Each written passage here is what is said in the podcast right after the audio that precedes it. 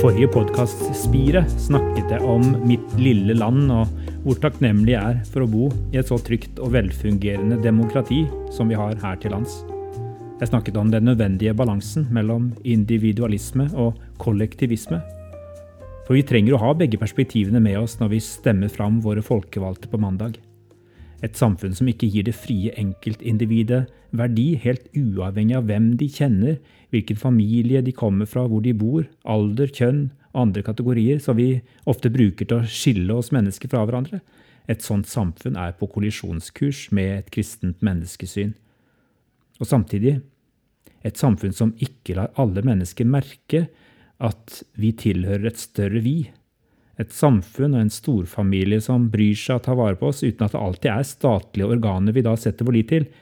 Et sånt samfunn har også mistet noe helt verdifullt. og Derfor trenger vi både en sunn individualisme og en sunn kollektivisme. Men hva da med verden utenfor våre trygge murer, utenfor mitt lille land? Hører de også med i vår storfamilie? Ja, begrepet vår globale landsby blir mer og mer virkelig.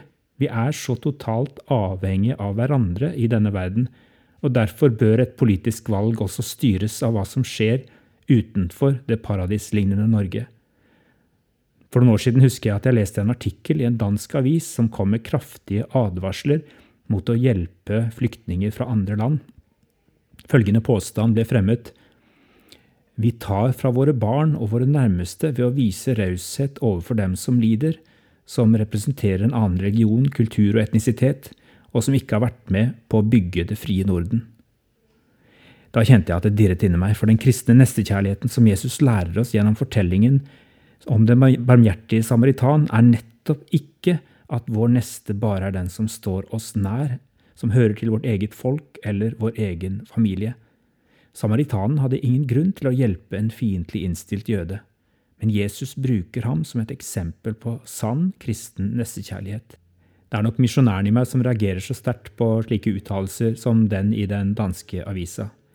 I lang tid bidro slike teologiske tanker til at protestantiske kristne i Vesten ikke brydde seg om verden utenfor, helt til noen begynte å lese Det nye testamentet på nytt, bl.a. lignelsen om den barmhjertige samaritanen som hjalp en forslått jøde om det nye folket som fulgte Jesu oppfordring om å migrere fra land til land med hans tro og verdier i bagasjen.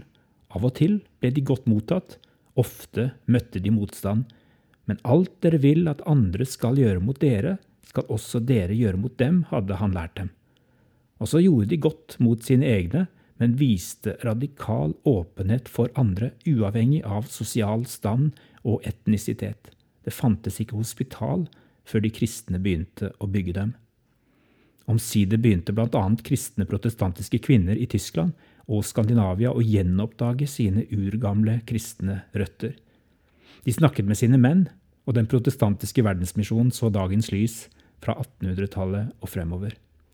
Resten er historie, og jeg er stolt av å være barn av denne misjonsbevegelsen som totalt forandret det kristne verdenskartet, og den bidro også til at Norge i mange generasjoner har hatt et blikk utover mot verden, ikke bare innover mot oss selv.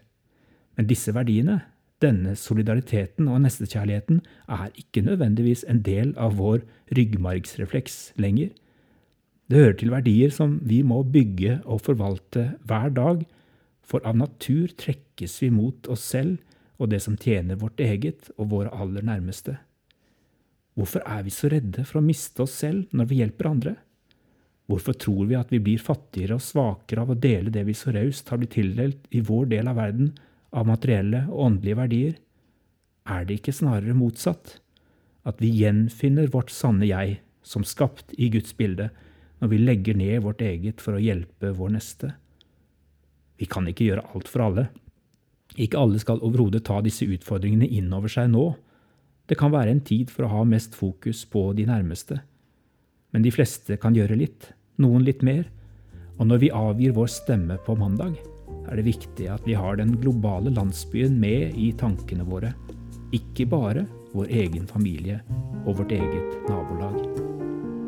Ha en velsignet helg og et godt valg på mandag.